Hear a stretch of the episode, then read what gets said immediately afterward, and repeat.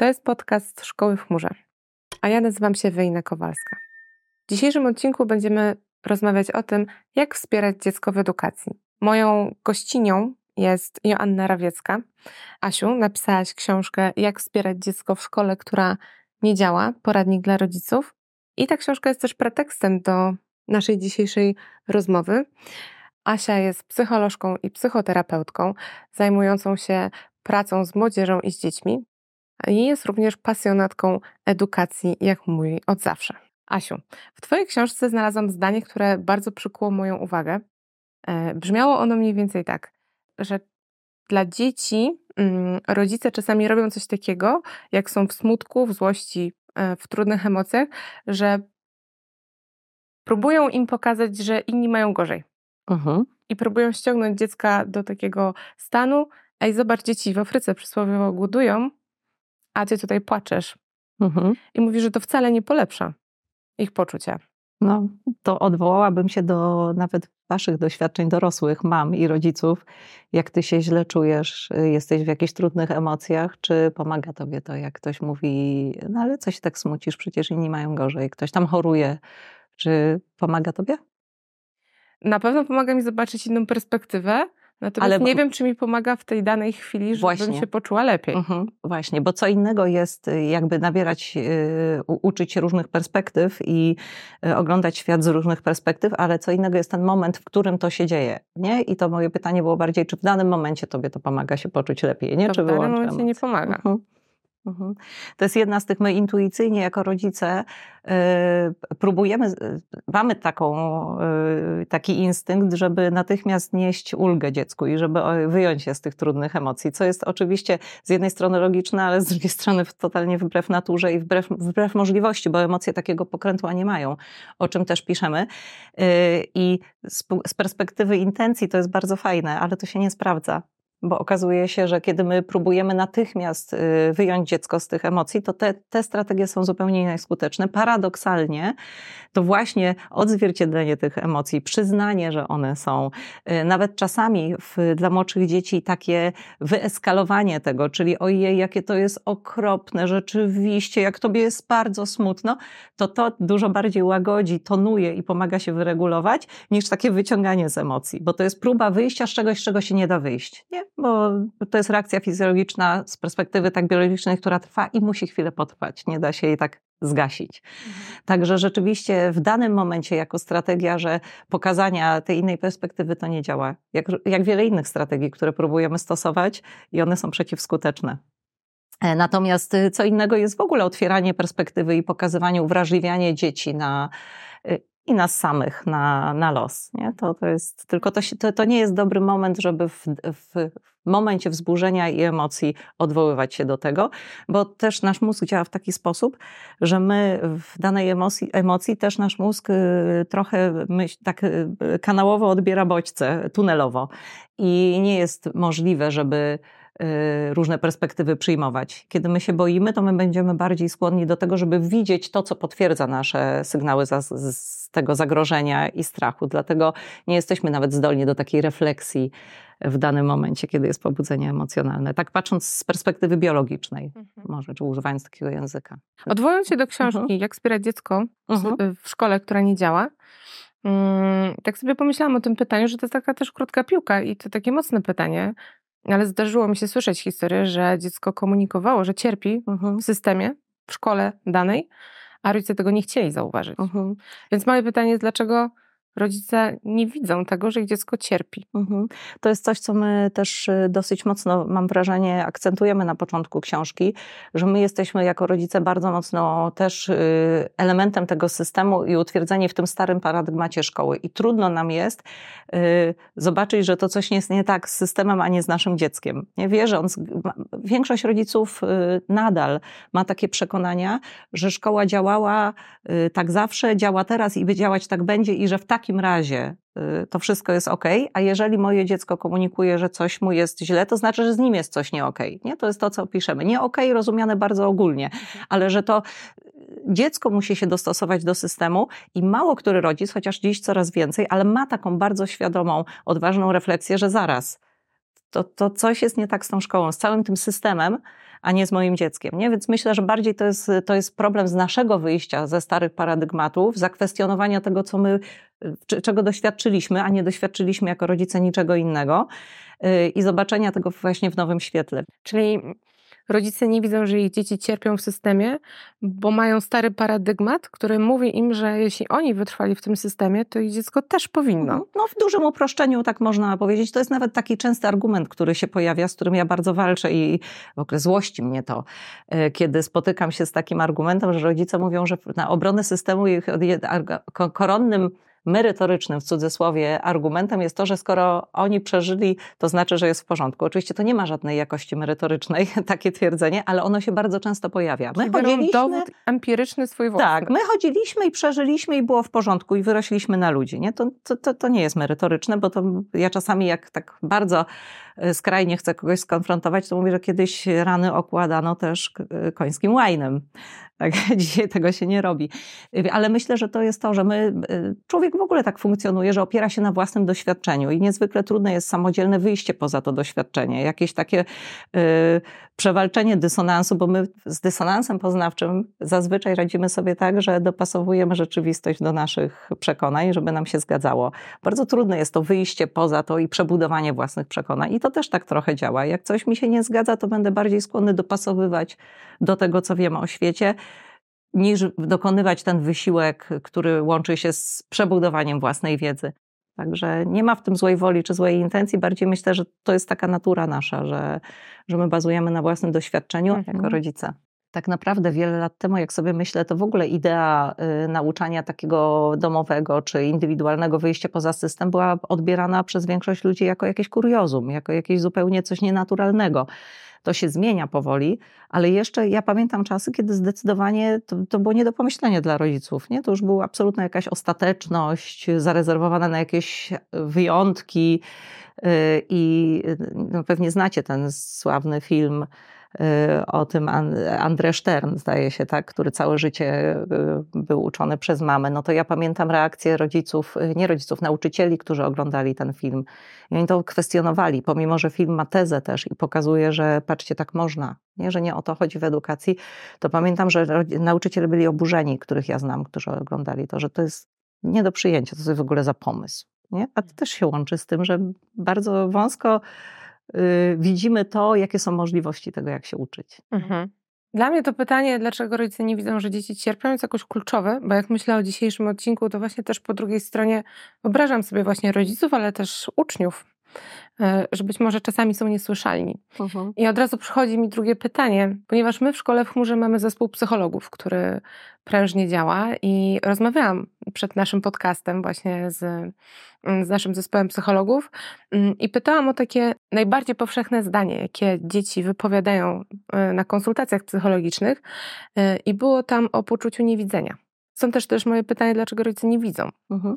Bo ja odpowiadając odniosłam się do tego, tego wąskiego, dlaczego nie, nie widzą, że cierpią w systemie. Tak, tak? tak? Natomiast to jest w ogóle szerszy temat, dlaczego rodzice często nie widzą, że dziecko cierpi. Tak, to jest mm. absolutnie szerszy temat. I teraz chcę, y, że tak powiem, trochę pogłębić to w kontekście tego, że nasz zespół psychologów powiedział coś takiego, że bardzo często na konsultacjach psychologicznych nie chodzi o generowanie rozwiązań mhm. dla dzieci, tylko chodzi o bycie w uważności mhm. na nie. Mhm. I to było dla mnie niesamowite, że bycie widzialnym robi robotę. Mhm. I zastanawiam się, czy ty w ogóle się też z tym zgadzasz. Tak, to znaczy powody, dla których dzieci y, doświadczają, bo to jest tak, trzeba oddzielić to, jaka jest intencja rodziców i jak się rodzice zachowują od tego, czego dziecko doświadcza. I to jest pierwsza rzecz, którą należy wziąć pod uwagę, zmienić perspektywę. To nie jest ważne, jakie ja mam intencje i co ja robię. Ważne jest, jak się moje dziecko w tym czuje, jak ono tego doświadcza. Hmm? Mhm.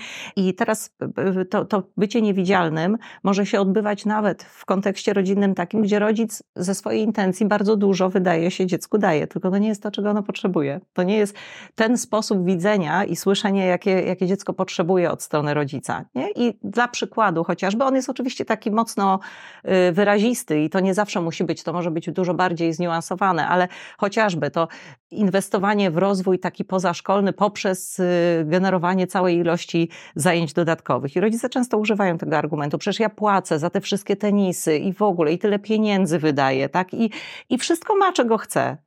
Ja często tak, tak konfrontuję trochę, ale nie to, czego potrzebuję. Nie? Bo w tym wszystkim dziecko czuje się, że ono nie jest słyszane i widziane. Nie? Że jest realizowany jakiś program. Mimo, że z perspektywy rodzica to jest, ta intencja jest bardzo szlachetna i dobra i może się rodzicowi nieraz tak jest wydawać, że ono spełnia potrzeby dziecka i przecież ono mu wszystko daje. Mm. E, a to jakby na pytanie, dlaczego rodzice tego nie widzą, no to jest oczywiście tych odpowiedzi bardzo dużo. E, nie ma takiej jednoznacznej. E, jedną z nich jest to, że nam jest bardzo trudno przyjąć też cierpienie naszych bliskich. Nie? Więc stosujemy bardzo dużo różnych mechanizmów obronnych, żeby tego nie widzieć, włącznie z taką trochę y, za, zamazywaniem i wypieraniem rzeczywistości. Pomimo jasnych sygnałów i komunikatów, często po prostu nie, rodzic tego nie przyjmuje, bo to jest trudne, bo trzeba się z tym zmierzyć i odpowiedzieć sobie właśnie trochę palec skierować nie tu, tylko tu. Mhm. Co się dzieje, że moje dziecko się tak czuje. A rozpakujemy ja te mechanizmy obronne, które ty zauważasz najczęściej u rodziców? Jakie to są? Mhm. Znaczy nie chciałabym, bo mechanizmy obronne to jest w ogóle terminologia wywodząca się z, y, od Freuda, ojca i nie będę tej terminologii używać, ale bardziej y, tak... Zostawmy ojca Freuda. Tak, zostawmy bardziej, y, mówię to nie w kontekście czystych mechanizmów obronnych, które są w literaturze opisane, tylko jako w ogóle różne strategie, które my jako ludzie stosujemy, żeby Dokładnie. uniknąć cierpienia emocjonalnego. Mhm. Chociażby ten rodzaj takiego y, zaprzeczania rzeczywistości, że ja dostaję komunikat, ale trochę y, nie słyszę go i, i nie dopuszczam do siebie y, na poziomie emocjonalnym, że coś się takiego Czyli dzieje. słyszę i się odcinam tak, emocjonalnie. Tak, ale to jest jeden. Nie? Drugi to można racjonalizować, czyli że a, no to, to dziecko tak jest, bo to jest dojrzewanie. Też to jest jeden z przykładów. Tak? To przecież jest zupełnie normalne, co się z nim dzieje. Albo bo za dużo siedzi na telefonie. Czyli tak? dorabianie teorii. Tak, racjonalizuję sobie i i y, powody lokalizuje gdzieś na zewnątrz, żeby się nie zmierzyć ze swoim wyzwaniem i też emocjami, które towarzyszą pomyśleniu, że być może w moim działaniu powinna nastąpić zmiana. No pewnie te, te główne takie dwa, ale pewnie mi coś jeszcze przyjdzie y, do głowy. Wyparcie chociażby. Różne, wyparcie tak, to już, jest, to już jest takie freudowskie, ale to już jest bardzo głęboki, kiedy w ogóle rodzic wypiera istnienie jakiegoś problemu. To się też zdarza. Nie? Że nawet w, y, pomimo bardzo istotnych dowodów, już objawów, na przykład y, depresji, która już jest poważną chorobą i diagnozy, y, są rodzice, którzy no, kompletnie wypierają problem, mhm. nie? nie konfrontują się z nim też ze względu jakby się nad tym zastanowić głębiej, bo ja jestem zawsze zdania takiego, no, że, że należy też zrozumieć, co, co kieruje tym rodzicem, bo przecież nie kieruje nim chęć zaszkodzenia dziecku. Zawsze większość rodziców zdecydowana chce dobrze dla swoich dzieci, tylko to są też jego jakieś lęki i ograniczenia i, i dobrze jest taką empatyczną mm, postawę przyjąć, żeby zrozumieć e, rodzica. I zazwyczaj jest to lęk przed tym cierpieniem, które w nas się budzi, kiedy wiemy, że nasze dziecko cierpi. Mm, ja tylko doprecyzuję, bo to mnie ciekawi, Lękowek, że ta empatyczna postawa, to mówisz o tym, żeby na przykład to była empatyczna postawa z poziomu na przykład psychoterapeuty, do którego udaje się rodzic, a nie z poziomu nastoletniego dziecka. Oczywiście, czy... tak. To, to Myślę, chcę to podkreślić jest... i będziemy wracać do tego wielokrotnie. Za relację z dzieckiem odpowiada rodzic. I tu absolutnie nie możemy wkładać e, na barki dziecka jakichkolwiek y, rzeczy, które miałyby regulować relacje z rodzicem. Nie? To rodzic jest osobą, która modeluje, która jest dojrzała, która ma odpowiadać na potrzeby dziecka. Więc w tej relacji jak najbardziej to rodzic gra pierwsze skrzypce i to on, od niego wszystko zależy. Oczywiście, że w miarę rozwoju, kiedy dzieci wchodzą w dorosłość, zmienia się też ten układ między nami, ale całe lata są na to, żeby pamiętać, nawet w przypadku nastolatków już, które są od nas szczególnie jeszcze zależne i są, występują w roli dziecka, to rodzic odpowiada za relacje. Natomiast z perspektywy psychoterapeuty, bo to jest taka y, pułapka i to się często na superwizjach pojawia, że kiedy przychodzi rodzina, my słyszymy to dziecko i widzimy czasami tą ślepotę tych rodziców na to, to pierwsza reakcja jest taka, że chce, chce nam się zezłościć, tak? I to jest, to jest pułapka, bo to, to nie zadziała. Trzeba zrozumieć tak naprawdę też, co, co stoi y, po stronie tak, rodziców, że oni tego nie widzą i pomóc im, a nie ich jakoś tam karać czy ustawiać za to, co się stało, bo rodzice też są często w bardzo dużym poczuciu winy i często też przed tym poczuciem winy próbują się ochronić. Mhm. Tak. Dobrze, to byliśmy, że tak powiem, y, przy rodzicach. Y, poruszyłaś ten wątek dorastania. Ja bym teraz weszła na taki poziom bycia mm, na, na poziomie podstawówki, ale też na poziomie liceum i wejścia w tą perspektywę dziecka. To zacznijmy od liceum. Jak rozmawiałam z zespołem psychologów w szkoły chmurze, to największy problem, z jakimi spotykają się na konsultacjach, e, właśnie na poziomie liceum, to jest poczucie bycia niewidzialnym, ponieważ mhm. to, to, jeśli dobrze rozumiem, się przejawia i, i, na poziomie podstawówki, i na liceum, ale mam wrażenie, że być może to się jakoś różni, dlatego chcę to rozpakować i zobaczyć. Na konsultacjach wynika, że licealiści nie dostają odpowiedzi na ważne pytania. Mogą to być pytania egzystencjonalne, mogą to być pytania, kim jestem, mogą to być pytania o na przykład biseksualizm, i rodzice nie podejmują tego wątku. Na poziomie intelektualnym nie wchodzą w rozmowę z nimi. Mhm. Zastanawiam się, co ty widzisz i co ty wyłapujesz. Czy, czy się w ogóle z tym zgadzasz, czy też masz jakąś może inną perspektywę na to? Mhm. Znaczy, na pewno to jest jeden z, z częstych y, takich powodów, dla których y, dzieci, młodzież tak, tak doświadcza siebie w relacjach z rodzicami. Oczywiście no, tych, tych, tych wątków jest dużo i tych możliwości, dlaczego tak się dzieje, też jest wiele, ale myślę, że takie dwa główne bym, bym wymieniła i jedno z tych to jest właśnie y, nierozmawianie na trudne tematy przez rodziców i pytanie dlaczego, y, Myślę, że często to są tematy, które budzą lęk. Myślę, że po jednej stronie to jest taki lęk właśnie przed tym, że, że, że dotkniemy tematów, na które, z którymi albo się będę musiał skonfrontować, albo będę musiał zająć stanowisko, albo w ogóle nie mam wiedzy i mnie to samemu przeraża. E, a z drugim wątkiem, wydaje mi się, to jest e, to, jak się zmienia właśnie relacja między e, nastolatkiem dojrzewającym a dzieckiem. Że te pytania często wychodzą z takiej perspektywy, że ja przestaję już przyjmować na wiarę to, co mi mówisz rodzicu, tylko chcę z tobą wejść w pewną polemikę i, i zakwestionować trochę świat. I rodzicom jest bardzo trudno zejść z tego piedestału. Co ja, też rozumiem, nie? ale to jest zmiana tej perspektywy, żeby wysłuchać z innej perspektywy tego nastolatka, że to, co on mówi, może być ważne, na pewno jest ważne dla niego, ale może w ogóle być ciekawe, ale niezgodne z tym, co ja do tej pory. Nie? Rodzice nadal chcą pozostać, my chcemy często na tej. Yy, na tym piedestale wszechwiedzy, który wcześniej był, że, że dziecko patrzy, nawet jak się kłóci, to i tak ten rodzic jest Tylko najważniejszy. wtedy miało trzylatka. Tak, autorytetem. Nawet jak ma dziesięć, to jeszcze, mimo że może y, się kłócić, to jeszcze ten rodzic jest tą wyrocznią, jest tym, tą osobą, która wie. A potem się nagle, i rodzic to odczuwa, te pytania już mają inny charakter. To ja już ciebie wyzywam nie jako osoba, która wie, ja ciebie nawet wyzywam na, jako osoba, która nic nie wie de facto o świecie, nie? To jest też często ta perspektywa.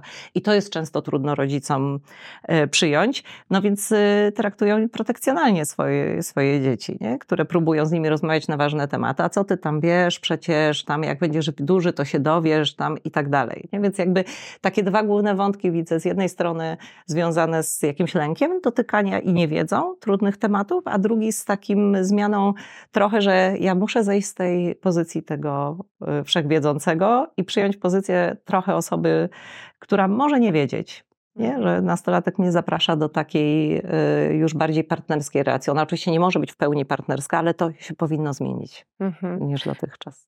Ja, ja w ogóle widzę, że to są dwa wątki takie mocno zagrażające, bo wtedy dziecko też szuka informacji na zewnątrz. No tak. I, a dzisiaj szuka jej w wspaniałym i jednocześnie bardzo niebezpiecznym środowisku, jakim jest internet, bo tam jest wszystko. Mhm.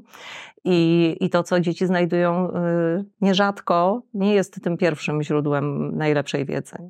Ja jak myślę sobie o licealistach, to mam takie wrażenie, bo czasami współpracuję z młodzieżą, jak robię dla nich warsztaty, że tam jest taki mocny pierwiastek właśnie na tym poziomie licealnym, że oni potrzebują tego kontaktu intelektualnego, czerpania wiedzy, czerpania doświadczeń, odpowiedzi na trudne pytania, jednocześnie będąc w dużej autonomii z dużym szacunkiem do tego, że oni mają własne zdanie i oni chcą, żeby to zdanie też było widzialne i respektowane. Myślę, że to jest dość trudno, trudne e, umiejscowienie się też przy licealiście, w sensie, że, że to jest jednocześnie odrębność, a z drugiej strony chce chłonąć to doświadczenie. Tak, ale to jest y, zadanie, które nie tylko dla rodziców jest trudne, bo dla rodziców myślę, że mocno y, wiąże się z tym właśnie zmianą tej, tej roli i tej perspektywy, ale też często nauczyciele mają z tym problem, jak to, jak to ugryźć jednocześnie.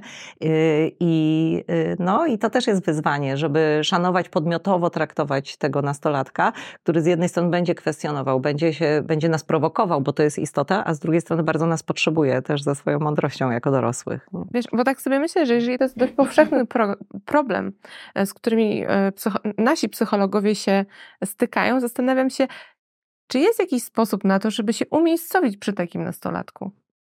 No, zawsze wiedza i świadomość, wydaje mi się, że dobre zrozumienie, na czym polega rozwój i, i jaki jest charakter zmian w tym okresie rozwojowym, pomógłby y, umiejscowienie się. Nie? Bo tak naprawdę to znowu, upraszczając bardzo, to chodzi o taką ludzką empatię i traktowanie tego nastolatka jak drugiego człowieka, równorzędnego tak, którym może nam się nie zawsze podobać to, co on mówi, albo nawet możemy wiedzieć, że to, co on mówi, nie ma pokrycia w rzeczywistości, bo tak też się zdarza, tak? Są różne, wyciągają różne prawdy, tak? Są bardzo czarno-biali często, co y, my z perspektywy dorosłych wiemy, że świat taki nie jest i my potrafimy niuans, y, widzieć te różne kolory, potrafimy rozumieć, nie wszyscy, bo to się też y, dorosłym przydałoby niektórym, niektórym rozumieć, że świat nie jest w ogóle, że różne narracje współistnieją i świat nie jest taki albo albo, że różne rzeczy są naraz. Y, dla nastolatka to jest często jeszcze tak z poziomu nawet rozwoju umysłowego niedostępne, niemożliwe. Świat musi być jakoś dookreślony, nie?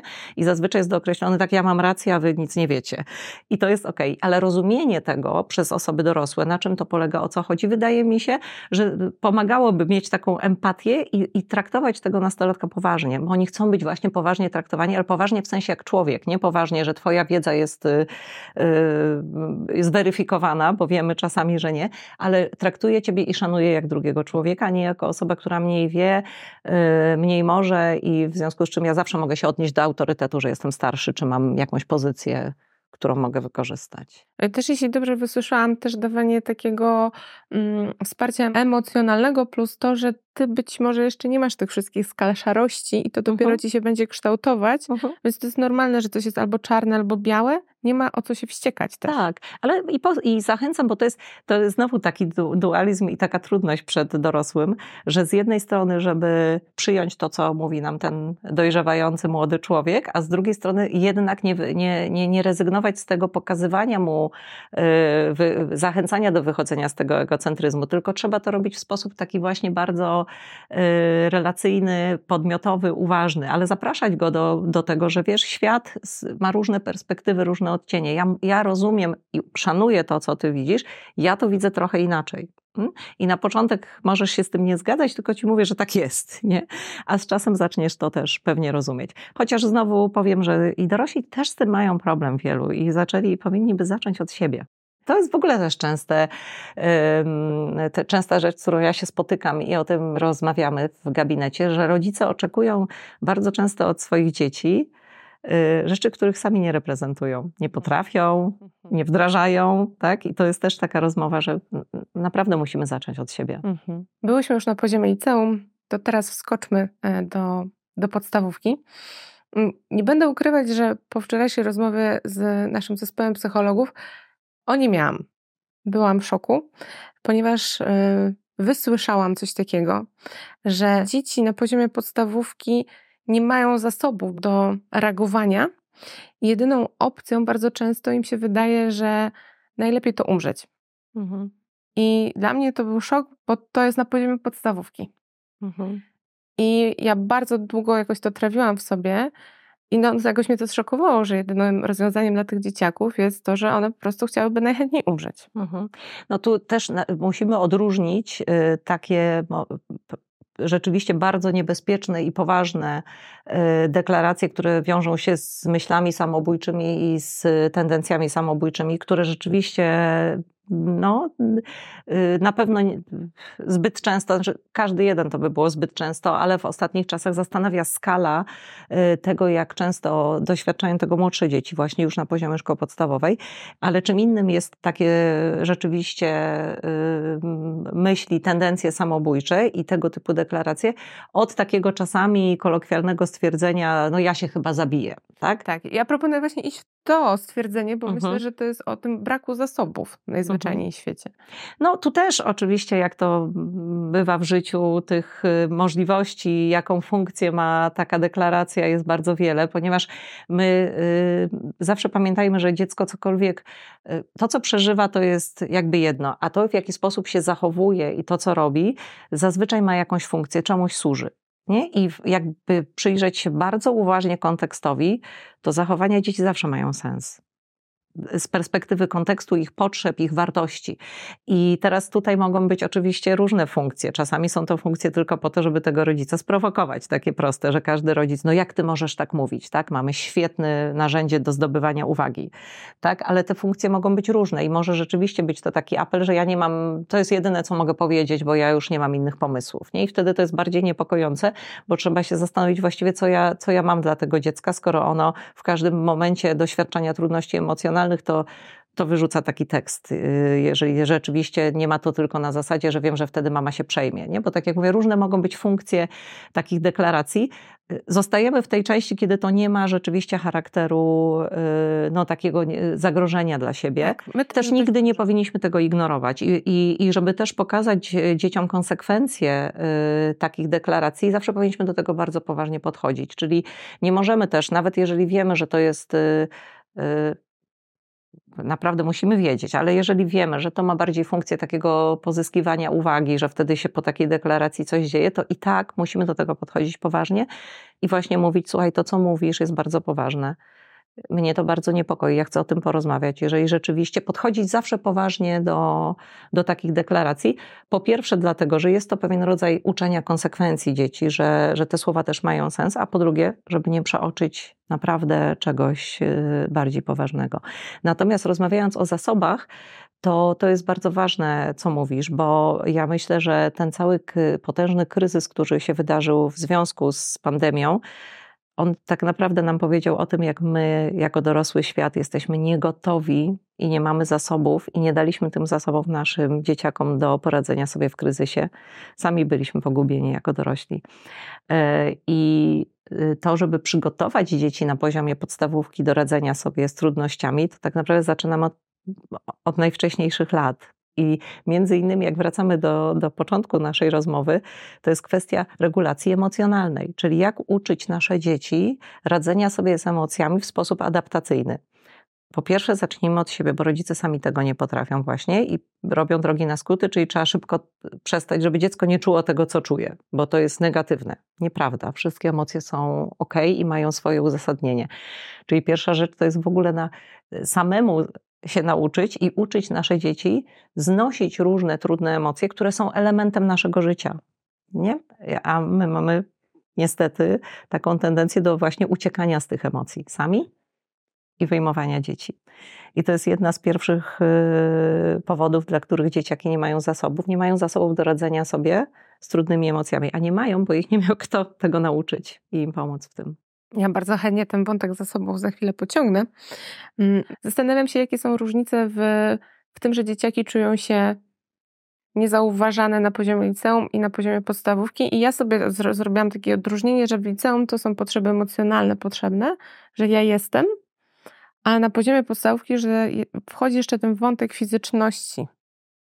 No i młodsze dziecko tym, tym pewnie bardziej tak. Zresztą my jako rodzice możemy zaobserwować tą zmianę w tym w potrzebie kontaktu, bo my wyrażamy, potrzeby emocjonalne są cały czas takie same. One oczywiście zależnie od rozwoju yy, pewne będą bardziej na wierzchu i bardziej istotne w danym momencie rozwojowym, bo są jakieś tam zadania do pokonania, ale potrzeby mamy cały czas takie same, one zostają z nami do dorosłości.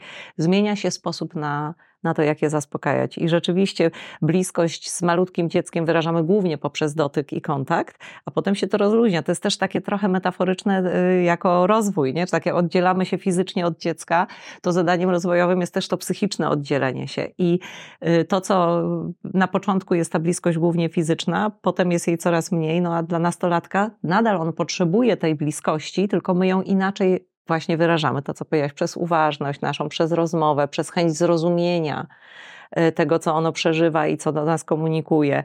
Tak? I to cały czas chodzi o tę samą potrzebę, tylko sposób jej wyrażania się zmienia i dobrze, no bo to dziecko ma się od nas tak naprawdę y, separować i ma rozwijać własną autonomię. Tak zastanawiam się, czy, czy jeśli, że tak powiem, nie chwytam tej tendencji, że tu jest bardziej fizycznie, a tu jest bardziej emocjonalnie, to też mnie hamuj piętą, Asiu, nie? Mhm. Próbuję tak jakoś wychwycić, że, że to są różne rodzaje uważności mhm. też, nie? Ale bliskości, nie? Tak, ale to jest bardzo ważne, na co zwracasz uwagę, bo być może rzeczywiście zwrócenie uwagi rodzicom, że, że ta uważność i ta, ta, to podmiotowe traktowanie to jest tak jak przytulanie małego dziecka i tulenie go, nie? Że to jest to, o to samo chodzi, y, tą samą potrzebę zaspokajamy, tylko musimy, tylko zmieniamy formę. I jak przestaniemy to robić, to jest tak, jakbyśmy odmówili tej bliskości małemu dziecku. I myślę, że takie spojrzenie metaforyczne może być pomocne dla rodziców, żeby zrozumieć o co chodzi i dlaczego to jest bardzo ważne, żeby szczególnie w tym okresie nastoletnim zachować ten, ten dobry kontakt i tę relację, pomimo że ona się zmienia i że dziecko stawia nam wyzwania. Mówiłaś wcześniej o zasobach, więc ja wrócę do tego wątku, bo to jest dla mnie też no, bardzo taki wątek, bym powiedziała, ważny. E, I tak myślałam sobie o tym, że Rodzicom jest bardzo trudno momentami. Sama jestem mamą dwójki dzieci, one są naprawdę małe jeszcze, ale mi jest naprawdę trudno momentami. Mhm. Ja nie mam zasobów czasami i, i też się do tego przyznaję, głośno o tym mówię. I myślę sobie o tym, że ja bym chciała na przykład wpuszczać moje dzieci w to, żeby one wiedziały, że dorosłość też nie jest łatwa. Mhm. Dla mnie, jako mhm. mamy. E, I tak sobie pomyślałam, że może byśmy przeszły taką strukturą właśnie 1, 3, 4, 6, 7, 8 i liceum, żeby zobaczyć to, kiedy ja mogę Ciebie wpuścić w to, że to, kiedy ja nie mam zasobów, to nie jest o Tobie, tylko to jest o tym, że dorosłość jest czasami trudna. Mhm. No, to jest, oj, to jest długi wątek, oczywiście, na długą rozmowę, bo my tak naprawdę całe cały nasz proces wychowania, jeżeli możemy użyć tego słowa, yy, czyli tego towarzyszenia dziecku, może tak lepiej w rozwoju, jest tak naprawdę uczeniem go świata. A świat, tak jak powiedziałeś, dostarcza nam frustracji i wcale nie jest zbudowany z samych przyjemności. I częścią tych doświadczeń właśnie są różne trudności, podczas których my doświadczamy y, trudnych emocji. I teraz też warto odróżnić y, to, y, co, na czym chcemy pokazać, polega ta trudność świata, bo na pewno nie jest dobrym pomysłem, żeby z dzieckiem się dzielić swoimi dorosłymi problemami takimi, powiedzmy tam przykład małżeńskimi, tak, y, finansowymi, no bo to jest bardzo krótki y, i krótka droga do tego, żeby wydarzyło się coś takiego, co się nazywa parentyfikacją, czyli że dziecko zacznie się przejmować tym, co rodzic doświadcza, jego emocjami. Natomiast to, w jaki sposób my możemy pokazywać, to to jest to, że my też doświadczamy właśnie trudnych emocji i że to jest normalne. Czyli yy, i tak naprawdę to się dzieje. I jeżeli podejdziemy do tego w sposób naturalny i nie będziemy udawać przed dzieckiem, że naturalnym stanem rzeczy jest dobry humor i uśmiech, to my już go zaprosimy do tego, żeby pokazać, że tak, normalne w życiu jest to, że czasem jest nam źle. To, co jest bardzo ważne, to żeby właśnie modelować i pokazywać, że my sobie z tym radzimy. Radzimy to nie oznacza, że my się od razu przestaniemy smucić i wyskoczymy z emocji, tylko że my te emocje tolerujemy, znamy adaptacyjne sposoby do zaopiekowania się sobą. Właśnie, jeżeli jest mi smutno jako mamie, to ja mam prawo o siebie zadbać. To jest super ważne, o czym często rodzice nie myślą. Y, my modelujemy czyli uczymy poprzez obserwację też tego, jak sobie radzić w różnych trudnych sytuacjach. Czyli nie tylko pokazujemy, że te sytuacje są, ale co my możemy z nimi zrobić. Jeżeli jest mi smutno i źle, to ja mam czas na to, żeby się sobą zaopiekować. I tak, dziecko to nie jest o tobie, synu, córko, tylko to jest o tym, że mamie teraz jest smutno i mama teraz sobie poleży pod kocykiem na przykład. Tak? Oczywiście tu też trzeba dostosowywać do wieku i bardzo być czujnym na sytuację, żeby dziecko nam nie zaczęło się naszymi emocjami przejmować. To znaczy przejmować w sensie, ojej, mamie jest smutno mi też, to jest naturalne. Podanie herbatki, super. Ale jak zauważymy, że dziecko zaczyna regulować zachowanie, czyli robić rzeczy, żeby mama była wesoła, to już tak daję na przykładach, to już jest niebezpieczne, bo dziecko nie ma się opiekować naszymi emocjami. My mamy pokazać, że te emocje są, że one są w porządku i że my sobie z nimi radzimy. Radzimy, czyli nie ich unikamy, ale potrafimy je stolerować, właśnie w adaptacyjny sposób wyregulować ale nie zapraszamy go do tego, żeby ono odpowiadało za nasze emocje. Dlatego na przykład komunikaty przez ciebie, mamusia jest smutna, bo nie posprzątałeś, nie szczególnie. Nie? Ale pokazanie, że czasami jestem smutna, zmęczona, tak, zła, bo coś się wydarzyło, jest w porządku. Nie mhm. tylko wtedy to, co przekładamy na zachowanie, w jaki sposób pokażemy, co my robimy z tymi emocjami. Mhm. I tak rozumianie, pokazywanie, że świat jest y, trudny, uważam, że jest naturalne i bardzo rozwojowe. Natomiast ostrożnie z takim wtajemniczaniem y, dzieci w niuanse już na czym polegają dorosłe problemy, no bo dzieci mają prawo mieć swoje problemy. Nie? I zapraszanie ich do tego, że mamy, też teraz daję taki bardzo konkretny przykład, nie wiem, na przykład problemy finansowe małego dziecka jest bardzo ryzykowne, bo to nie są jego problemy. Są problemy nasze i my jako dorośli mamy je rozwiązać. No to, to jak wpuszczać, wiesz, bo to, to jakoś mnie zastanawia ten kawałek, bo ja jednak chciałabym jakoś moje dzieci wpuszczać w ten kawałek, że, że dorosłość jest trudna. I oczywiście no, jeżeli moje dziecko będzie w klasie 1-3, no to, to ja mu zaburzę całkowicie bezpieczeństwo tym, jak mu to powiem. No ale jak będzie już na poziomie liceum, rozumiem, że mogę przyjść i pogadać z nastolatkiem i powiedzieć, to nie jest twój problem, żebyś się martwił o kasę. Mhm. Natomiast no, mamy coś takiego teraz, że się z czymś zmagamy. To mhm. też jest okej. Okay. Wiesz, jakoś zastanawiam się nad tą formą komunikatu, to jak te kroki robić, żeby też dziecko widziało perspektywę dorosłego, że też nie zawsze mu jest łatwo. Mhm. Znaczy w ogóle komunikat, że naturalnym stanem y, jakby życia to jest zmaganie się z trudnościami, jest okej okay. i dosyć często, często jest takie, że dzieci bardzo pragną takiej sprawiedliwości nie? i często małe dzieci mówią, to jest niesprawiedliwe. Świat nie jest sprawiedliwy. I powiedzenie tego komunikatu jest ok, nie? mimo że na początku ono jest trudne do zaakceptowania, ale wystarczy się rozejrzeć, świat nie jest sprawiedliwy ta, różnica, o której mówisz, jak najbardziej w pewnym wieku można dzieciom powiedzieć, tak, jest mi teraz trudno, mam, mam trudny okres, ponieważ na przykład zmagam się z takim i takim problemem, natomiast pokazać też postawę, że jako rodzic ja sobie z tym problemem poradzę, tak, czyli ja ci tłumaczę skąd moje emocje, ale ja rozwiążę ten problem, bo to jest też rola dorosłego. To jest jedna z y, tych ról, które jako dorośli w kontekście zabezpieczania potrzeb naszych dzieci mamy mieć. One mają wiedzieć, że są bezpieczne emocjonalnie, czyli że rodzic rozwiąże problemy, w których się znalazł, nawet jeżeli teraz doświadcza trudnych emocji. Czyli jak najbardziej można nastolatkowi powiedzieć: Słuchaj, mamy teraz kłopoty, bo to też może wiązać się z jego życiem ale poradzimy sobie z nimi, tylko chwilowo może tak być, że ja widzisz, że ja jestem w gorszym nastroju, że jest mi trudno, że jestem bardziej nerwowa, tak? Takie rozmowy jak najbardziej. Nie? Mhm. Natomiast nie za szybko. Ja bym y, tak dopasowywała do tego, co dziecko może y, przetrawić i zrozumieć. Bo w ogóle chociażby jeżeli jesteśmy już przy finansowych problemach, to dla takiego y, dziecka w klasie 1 czy to przy świat finansów to jest abstrakcja. Tak można zacząć wprowadzać powoli te te terminy, ale to jest zupełnie, no pieniądze wychodzą ze ściany i, i jak nie masz, to idź wypłać. Mm. Hmm. Wiesz, tak pytam o to, bo dla mnie, oczywiście jakoś tak, mm, to mi się łączy, że dla mnie to też jest jakiś budulec relacji, że my nie uciekamy od tych trudnych mhm. emocji i też w zależności od naszego, mm, naszej gotowości, ale też w zależności od adekwatności wieku naszego dziecka, wpuszczamy to dziecko i pokazujemy mu prawdziwe emocje, a nie zakładamy maskę, która dla mnie bardzo często odcina i stawia mur w relacji. Mhm. Ja to tak patrzę też z poziomu warsztatów, które prowadzę, że jak zakładamy maskę, to się odcinamy od relacji, mhm. bo my mhm. próbujemy wejść w tryb przetrwania. Mhm. I zastanawiam się, czy właśnie takie wpuszczanie adekwatne dzieci, no nie, nie, że w bycie świecie dorosłego, ale że dzielenie się tymi emocjami, że to dla mnie jest też jakimś budulcem relacji. Emocjami I, koniecznie. No właśnie, że, że jednak mhm. te dzieciaki też patrzą na nas i nas obserwują.